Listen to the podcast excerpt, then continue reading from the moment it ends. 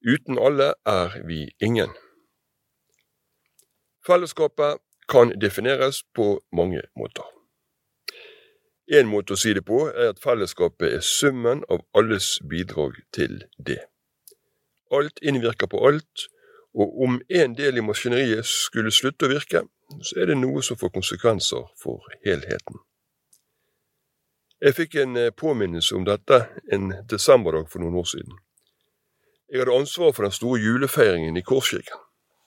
En julaften med mange hundre gjester og tusen detaljer å tenke på. En logistikk på nivå med en middels militærøvelse.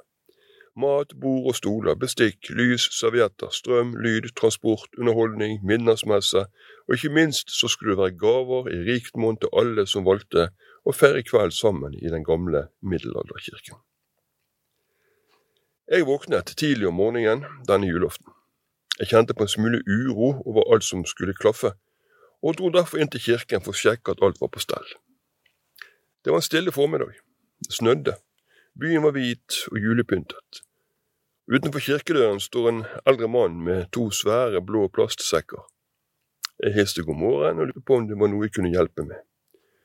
Å, er det du som er presten? Jeg nikker bekreftende.